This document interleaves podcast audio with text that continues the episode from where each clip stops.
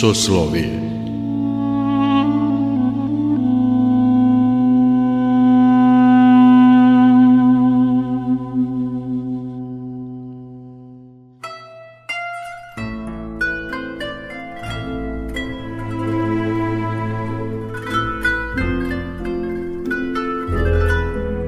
Slušate Soslovije, religijski nedeljnik Radio Novog Sada. Dobrodošlicu vam želi Mirjana Ranković.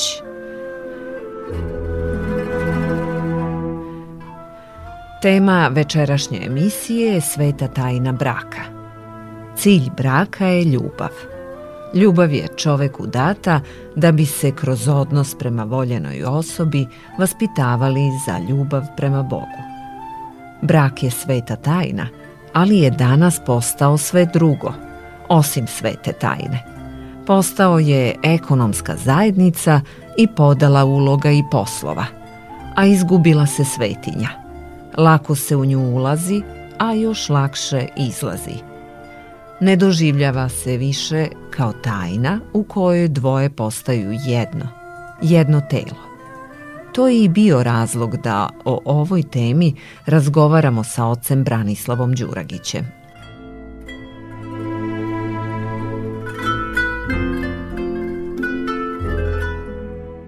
Sveta tajna braka.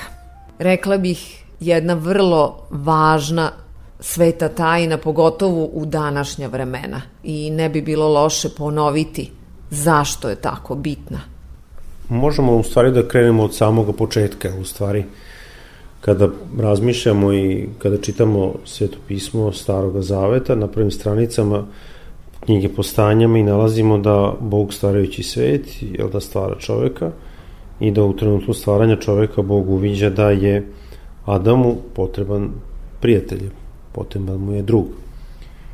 I prvi blagoslov koji Adam i Eva dobijaju jeste upravo u stvari blagoslov porodice. Da se, kao što je zemlja bila napunjena raznim živim bićima, koja su živela u moru, na kopnu, letele vazduhom, tako isto čovek dobija zadatak da stvara svoju porodicu. Adam i Eva kao prvi ljudi u stvari su imali zadatak da upravljaju tim rajem, tim vrtom, da ga obrađuju, i da, kako kaže blagoslov, da se rađaju i množe. Jer vidimo da u stvari celokupna priroda je nekako odjedan put probujala, a postavlja se samo jedan čovek i jedna žena. Bog je nekako tu najviše pažnje posvetio tom odnosu, odnosno muškarca i žene, odnosno braku, i u stvari od toga je napravio ono što je osnovna ćelija ljudskog društva. I kroz ceo stari zavet se u stvari pokazuje da Bog je uvek uh, želeo da istakne da je ta ljubav između muškarca i žene nešto što je sveto, nešto što ne treba i ne sme da se skrnavi. Prve zapovesti koje ustrojavaju jevrijski narod kako da živi i kako treba da se ponašaju, jeste upravo to, da je brak svetinja. Iako to društvo tada je bilo poligamno i mm, postojala je da ta prosto takav je bio taj svet da su muškarac imali više žena, ali ono što je bilo, da kažem, očigledno jeste upravo radi toga da bi se svet napunio ljudskom vrstom. Kasnije vidimo u hrišćanstvu da u stvari brakovi postaju monogamni i mi danas kao hrišćani živimo u monogamnim zajednicama, ali opet iz prostog razloga jer ljudska, ljudski rod, populacija svetska je dovoljno velika i upravo tu sada se vraćamo na onu suštinu. Adam i Eva su bili dakle jedan čovek i jedna žena, muškarac i žena i rađa se život, rađaju se deca. I upravo zato brak jeste u hrišćanstvu jedna od svetih tajni. Dakle, nešto što crkva posebno blagosilja i želi da istakne kao jedan blagosloveni način života i e, blagosloveni način da dvoje ljudi nastave svoj životni put. Da čovek ne treba da bude sam, niti žena da treba da bude sama, nego naprotiv da zajedno koračaju stazom života i da brinu jedno o drugome. to je ono što je u stvari osnova braka i crkva, hrišćanska crkva, posebno obraća pažnju na, taj, na tu osnovnu ćeliju ljudskog društva. Zato i kažemo da brak je blagosloven i da dvoje ljudi se odlučuju doživotno za jednog partnera. Međutim, kroz disciplinu crkvenu i tako dalje, e, postoje da isto tako snishođenja nekoj, da kažem, ljudskoj slabosti ili shvatanju da neko možda ne, ne uspe da napravi iz prva dobar izbor i crkva dozvoljava drugi i treći brak, ali snishodeći ljudskoj slabosti i tu se posebno onda obraća pažnja na tu, da kažem, na taj moment da li neko ko sklapa taj drugi treći brak je iz prvoga braka izašao kao neko ko zaista nije uspeo da pronađe pravi, da kažem, način kako će živeti sa, sa svojim mužom ili sa svojom ženom. I zbog toga se onda tu već daje takav blagoslov da je potrebno da episkop kao nadležni, da kažem, djeceza, znači zadužen za, i za takva pitanja, se ipak ovaj, na, na neki način konsultuje i daje svoj blagoslov da bi neko stupao u drugi ili treći brak. Ali mi ovde kada govorimo o braku, govorimo u stvari onako onom njegovoj prvoj, da tako kažem, prvom blagoslovu, prvoj formi, dakle jedan muškarac i jedna žena. I upravo to je ono što i u hrišćanstvu vidimo da supružnici koji su blagosiljani, posebno oni koji su učestvovali u istoriji ljudskog spasenja su bili izuzetno verni jedni drugima. I tu su zanimljive uh, bračne zajednice, na primer, uh, Joakima i Jane, koji su bili, dakle, uh, roditelji preste bogorodice i koji su dugo godina živeli zajedno u braku, bez dece. U ono vreme u jerijskom narodu je to bilo posebno posmatrano kao neka kazna Božija – Jer ako je muškarac zdrav i žena zdrava, razlog zbog kojih oni nemaju dece jeste neka kazna. Jer osnovna zapovest i osnovni cilj braka, posmatrano očima Staroga Zaveta, je bilo upravo rađenje potomstva. Iz tog razloga vidimo, na primjer, tu dvoje ljudi koji su bili izuzetno pobožni, znači oni ni, ni na koji način nisu gubili svoju veru u Boga, ali su svim svojim bićem želeli da dobiju potomstvo i na kraju dobijaju jedno dete i to dobijaju presutu Bogorodicu. Dakle, ostaju verno, oni ostaju verni jedno drugome.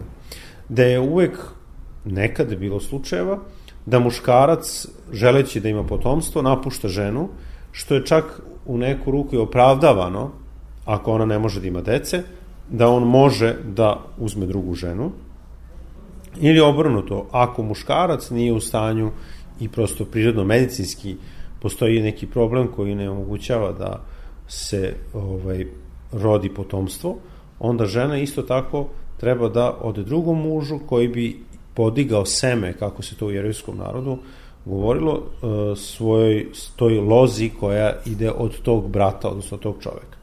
U svakom slučaju, pored Joakima i Jane, mi imamo i slučaj Zaharija ili Savete, dakle isto roditelji Svetog Jovana Krstitelja, koji su isto tako bili stari veoma stari po svim tim, da kažem, medicinskim nekim kriterijumima su potpuno bili ljudi gde više nije postala nikakva medicinska mogućnost da se rodi dete.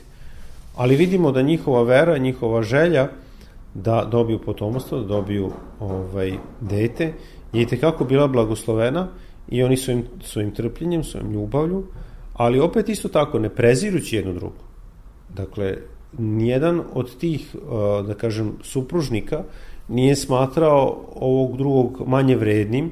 Naprotiv, oni su i tekako nosili breme svog supružnika i narod, nažalost, uh, je bio sigurno vrlo, vrlo uh, surov u tom pogledu. Što nekad i danas može da se desi. Nažalost, imamo i danas slučajeva gde se onda to komentariše kako je to nesposobni su da rađaju decu, kako su razni izrazi koji se koriste da bi se opisalo tako jedno stanje koje je opet nekako predstavljeno kao neki znak da neko, eto, iz nekog razloga sam Bog im ne daje poroda. I upravo tu se ovaj, u hrišćanstvu otkriva da posle da starozavetnih svih tih, da kaže, primjera i događaja, da je bila bitna u stvari ta ljubav supružnika koji su imali kako što smo rekli, Joakim Jana i Zahar ili Saveta, i još mnogi drugi sveti ljudi, porodice koje su isto tako imale samo jednog potomka, ali to ne bilo kakvog. Deo u hrišćanstvu mi opet vidimo da je u stvari u poslanici apostola Pavla Efescima brak osvedočen kao jedna zaista sveta tajna koja, gde on slobodno, bez ustezanja pominje i to poredi sa odnosom Hrista i crkve njegove.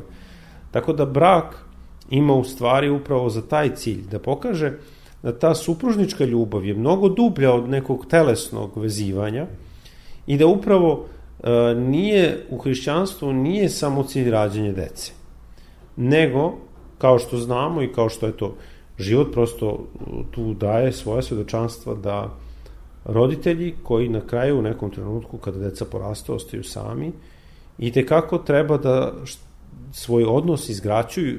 Dakle, brak nije samo, cilj braka nije samo rađenje dece, vaspitavanje i odgajanje, nego je u stvari jedan odnos koji ide i u smeru muža i žene. Roditelji nisu mama i tata i to je možda nekad čak i greška kada roditelji pred decom sebe nazivaju mamom ili tatom, nego prosto njihov odnos je isto tako važan. Odnos muža i žene. I današnja i psihologija i opšte ovaj, nauka koja pokušava da isto tako, da kaže, prati normalnu porodicu, ukazuje da i mi kao deca neke modele ponašanja i tekako usvajamo od svojih roditelja i da li to brak bio než, pun nežnosti ili je brak bio gde su postojali razni problemi, gde su postojala neka neverstva ili neke, da tako kažem, podavnicima ekskurzije koje su i tekako ostavili trag u porodici, Pa, na supružnicima, ali isto tako i na deci, koji te kako su osjećala da žive u okruženju gde otac i majka nisu u skladnim odnosima i tu vrstu, da kažem, svoje frustracije e, i svog nekog nezadovoljstva, bejsa i tako dalje, su prenosili na decu. Gde ne znači da e, ta deca koja rastu u takvoj zajednici će sigurno biti jednog dana problematični supružnici, ali i tekako je zdravije okruženje u kojem uh, supružnici žive u ljubavi i pokušavaju i trude se da vode jedan život ispunjen takvim trenucima.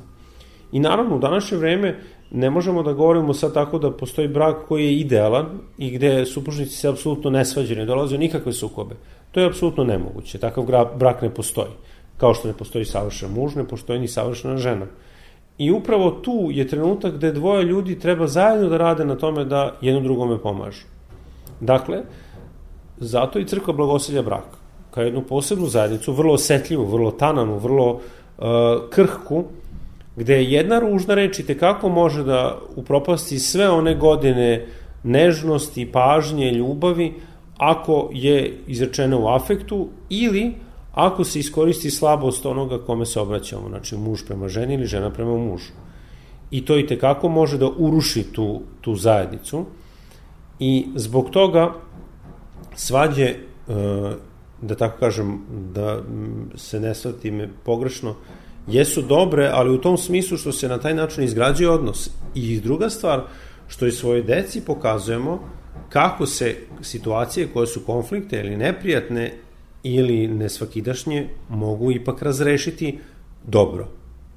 I to je primjer koji dajemo svojim ukućanima. I upravo odatle i deca dobijaju jedan, uh, jedno gnezdo koje je, da kažem, ispunjeno ljubavlju i ono što je isto jako važno, požrtovanje. Dakle, roditelji, odnosno muž i žena, treba da budu spremni da se žrtvuju za svoju porodicu, da se žrtvuju jedno za drugo.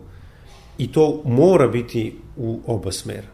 Ne može samo jedan roditelj, otac ili majka, da se žrtvuje, a da drugi roditelj apsolutno se, da kažem, usesedi samo na materijalnu egzistenciju porodice ili na svoju karijeru ili tako dalje, jer taj odnos je onda isto tako vrlo hladan i vrlo problematičan i, i tekako može da napravi uh, veliki, veliki uh, ožiljak u srcu onoga koji je u toj odnosu nekako shvata se potpuno zapostavljenim i možda čak i iskorišćenim. da bi napredao u poslu, u karijeri, ili prosto, eto, želi da ima tako kao neki dom u kojem će to sve izgledati prividno lepo i, i, i spremljeno i, i toplo, a iznutra je, e, da tako kažem, šuplje. I ti odnosi danas, nažalost, upravo to što, to što sam pomenuo, dakle, ljudski, e, taj moment gde mi pokušavamo profesionalno da se ostvarimo i tekako može da poremeti odnose u porodici. I tu je onda stvar gde mi sami određujemo svoje prioritete. I najčešće ćemo, ćemo da čujemo da je porodica osnov, da je porodica temelj, da je porodica jako važna, ali onda u praksi negde ne vidimo da je to baš tako. Gde se ipak onda pažnja i fokus i uopšte prioritet pomera na drugu stranu. Na mene ili na nju. A to nije dobro.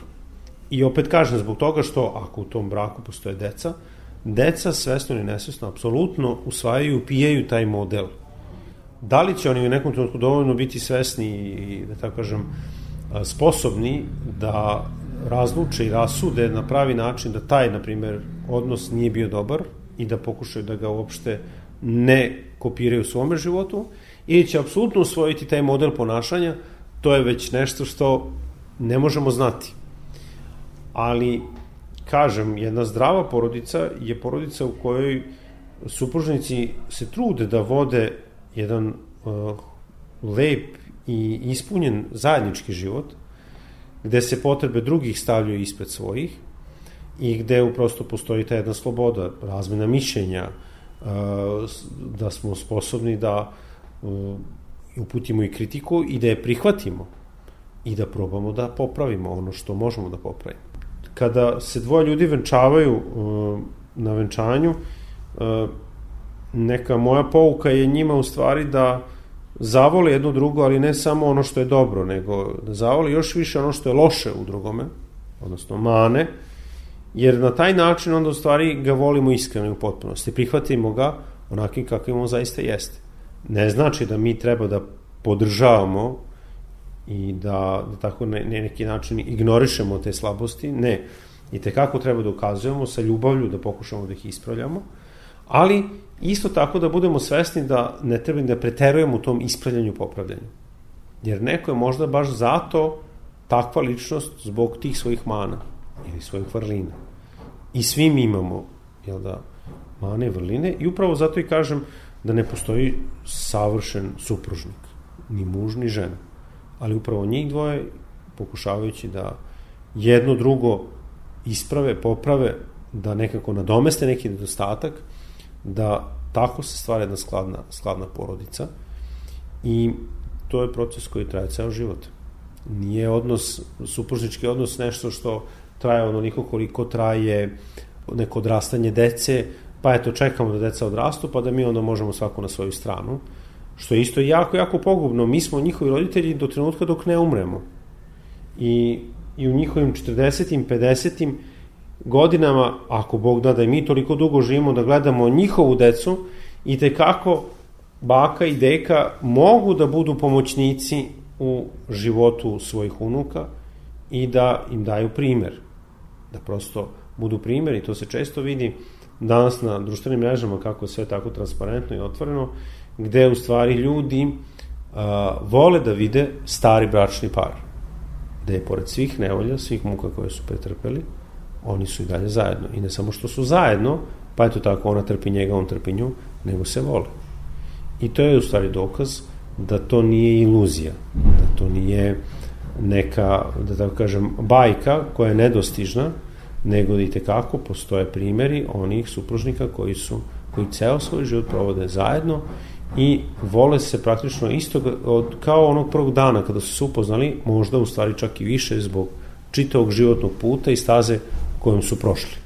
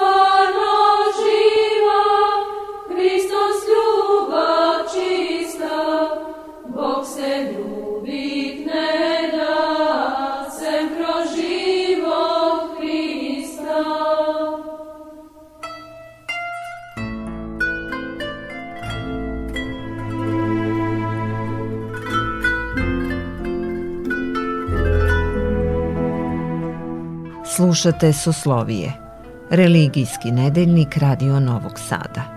O svetoj tajni braka razgovaramo sa ocem Branislavom Đuragićem.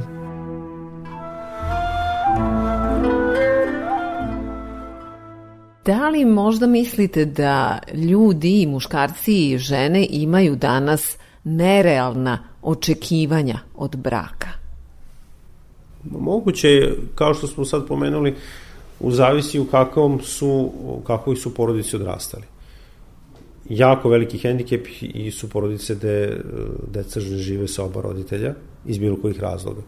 Da li to razvod, da li je prosto neka, da kažemo, viša sila ili neka nesreća, ne daj Bože, gde onda uh, deca nemajući pravi primer u svom životu, onda uh, usvajajući kroz razne načine, preko filmova, kroz druženja sa drugim drugarima i porodicama s kojima oni dolaze u dodir, onda tu u stvari postaje a, upravo to, rađuju se neke nerealna očekivanja koja nisu a, primenjiva na mene kao osobu koja jednostavno ne može da vodi takav način života. I tu je u stvari najbitnije da čovjek upozna sebe, a onda znajući svoje vrline i mane, da onda isto tako bude svestan uh, šta je to što jesu njegovi kvaliteti, a šta je ono što nisu.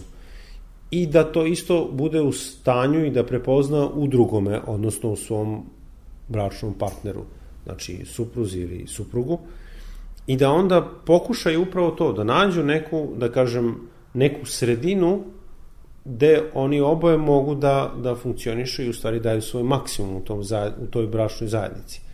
Tako da danas u zavisnosti to, kažem, ko je u kakvoj porodici odrastao, kako je detinstvo imao, to je veliki, da kažem, i važan temelj da bi mi onda mogli da imamo jednu normalnu bračnu zajednicu. Jer deca koja su odrastali u porodici gde jedan roditelja nije tu, gde je postojao neko, ne Bože, nasilje u porodici, oni imaju potpuno drugačiju sliku jedne, jednog nedeljnog ručka jedne šetnje u prirodi, jednog zajedničkog događaja, gde to nije bio prijatan moment, nego je odmah bio povod za neku svađu, za neku raspravu i onda se to i tekako u, usadi u njih, ali kažem, koliko će oni biti dovoljno sposobni da kritički pristupe tome pa da onda shvate, aha, ovo nije bilo dobro i ovo nije model kako treba da se ponašam, nego ja ipak moram da pazim da ne ponovim grešku svojih roditelja. I to je onda teško je danas u stvari e, ljudima koji e, žele da stupe u brak i koji se odluče u stvari na zajednički život e, puno je tu momenata i puno je tu da kažem ispita koji treba da prođu ali u krajnjoj liniji ono što je ključno jeste da tu je ljubav najbitniji, najvažniji, da tako kažem, sastojak. Jer tom ljubavlju onda i tekako puno tih nedostataka i nemoći i slabosti mi nadomeštamo. A, I zato mislim da danas, a u Evanđelju se u nekom i u trenutku i Gospod govori da će u poslednje dane ohladneti ljubav mnogih. I generalno nekako fali ta empatija možda s druge strane jako puno informacija koje u toku dana stiže, stiže do nas koje govori o ružnim stvarima, o nekim teškim sudbinama, o nekim ovaj, problematičnim porodicama, hronike koje su grozne i tako dalje, onda čovjek nekako želeći da se zaštiti, sebe da zaštiti od takvih informacija, kao da u stvari onda i prestaje da bude saosećajan, da ima tu neku empatiju, a to je ključno u stvari zbog toga smo ljudi. I sada tu treba naći pravu meru. Možda čak u stvari to uh, selektivno m, ovaj, i napraviti tu neku selekciju kako i na koji način primati koju informaciju. I naravno da mi ne možemo biti odgovorni za, za sve neprade koje se dešavaju u svetu, niti je to naš zadatak. Ono što je naš poziv u, u svetu hrišćanstva jeste da u svom okruženju pa eto u svojoj porodici, budemo što bolji svojim bližnjima, a onda svojim prijateljima, srodnicima, komšijama, gde taj krug se polako širi, ali najbitnije je da taj centar, srž, bude zdrava. I upravo zato, u stvari, da se vratimo na tu svetu tajnu braka, e, crkva i blagoslija brak, znajući i dajući obilne blagoslove, molitve, da bi dvoje ljudi svoj centar i svoj osnov i svoj temelj ljubavi, svog trpljenja i tako dalje našli u Hristu. Dakle, gospod jeste i davalac svih dobara i on je taj koji simbolički kada posmatramo obred uh, svete tajne braka u nekom trenutku sveštenik mladence da kažem vodi oko evanđelja koje jeste sam Hristos i simboliše Hrista i on u tom trenutku jeste u stvari upravo sam gospod Bog koji to dvoje ljudi vodi da čine svoje prve korake, zajedničke korake u bračnom životu. Dakle, imajući njega kao vođu, onda brak ima šanse da, da uspe kako, nas, kako ovde na svetu, tako još više u Carstvu nebeskom. I to je, na primjer, nešto što mi svi znamo i gledali smo koliko tih filmova, da kažem, zapadne produkcije gde venčanje u katoličkoj crkvi, jel da se koncipira i zasnije na tome da je ljubav tu dok nas smrt ne rastavi. U hrišćanskom braku, u pravoslavnom braku, taj koncept ne postoji. Jer smrću supružnika mi verujemo i ispovedamo jel da, život vaskrsenje i život posle smrti, e, bračna zajednica se ne sklapa samo za ovo zemaljsko vreme, nego se i tekako ovaj, crkva blagosilja njihovu zajednicu i u večnosti. I upravo to je onda cilj. Kada takav cilj dvoje ljudi, supružnika imaju, e onda ipak e, lakše koračaju i plove tom pučinom ovaj, koja se zove život i uspevaju da imaju svetioni koji je Hristos, a naravno da će to biti uzburkano more, da će biti oluje, ne da Bože i brodoloma, ali je isto, isto uvek tako važno da znaju ko je taj koji ide ispred njih i ko je stalno sa njima. Tu da nalazimo svoju, da kažem, izvor za, za sve ono što nam ovde na zemlji, da tako kažem, nedostaje i što nas opterećuje i da imamo poverenje u Boga. Da je On taj koji nas vodi, da je On taj koji je uvek tu za nas i da će priteći u pomoć. Tako i u braku.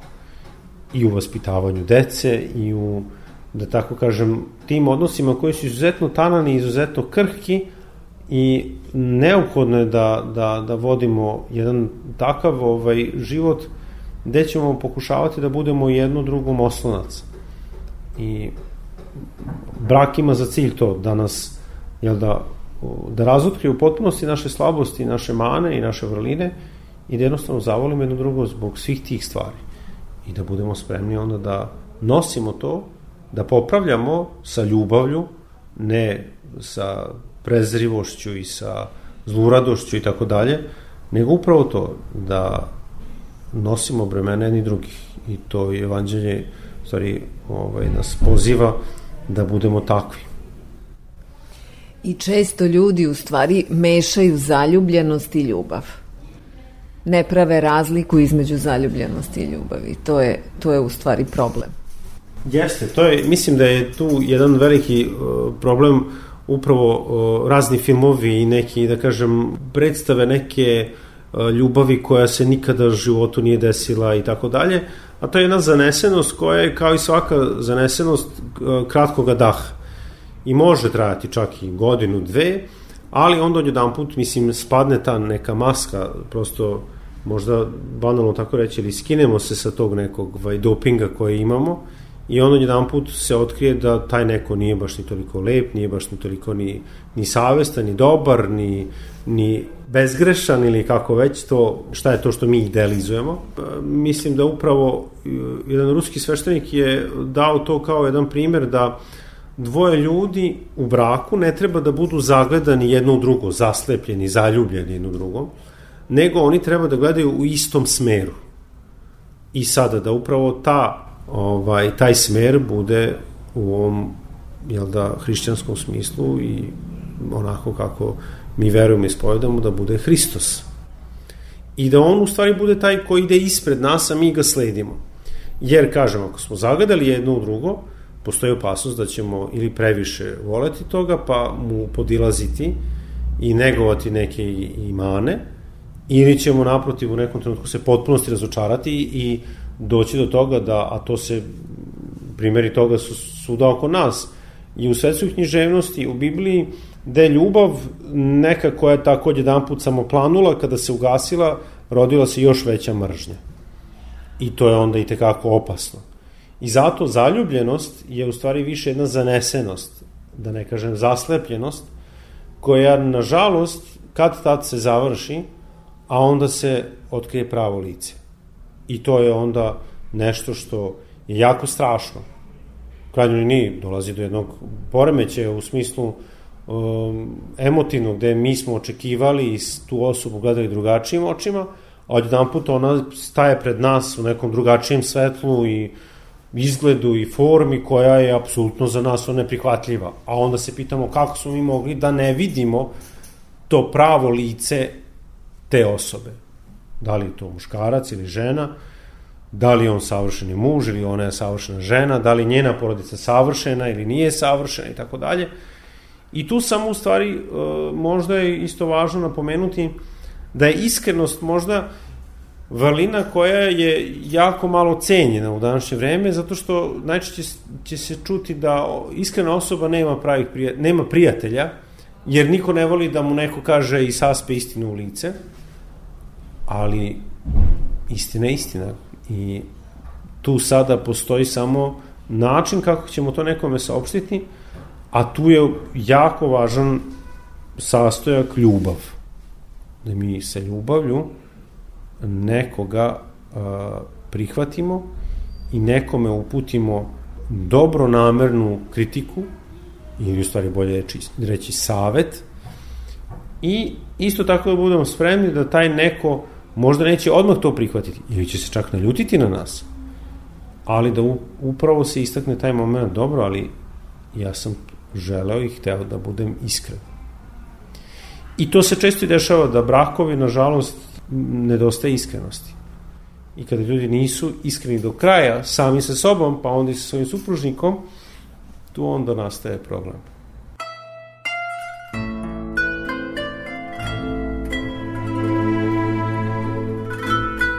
O svetoj tajni braka razgovarali smo sa ocem Branislavom Đuragićem. Soslovije realizovali ton majstor Jovan Gajić, urednik i autor Mirjana Ranković.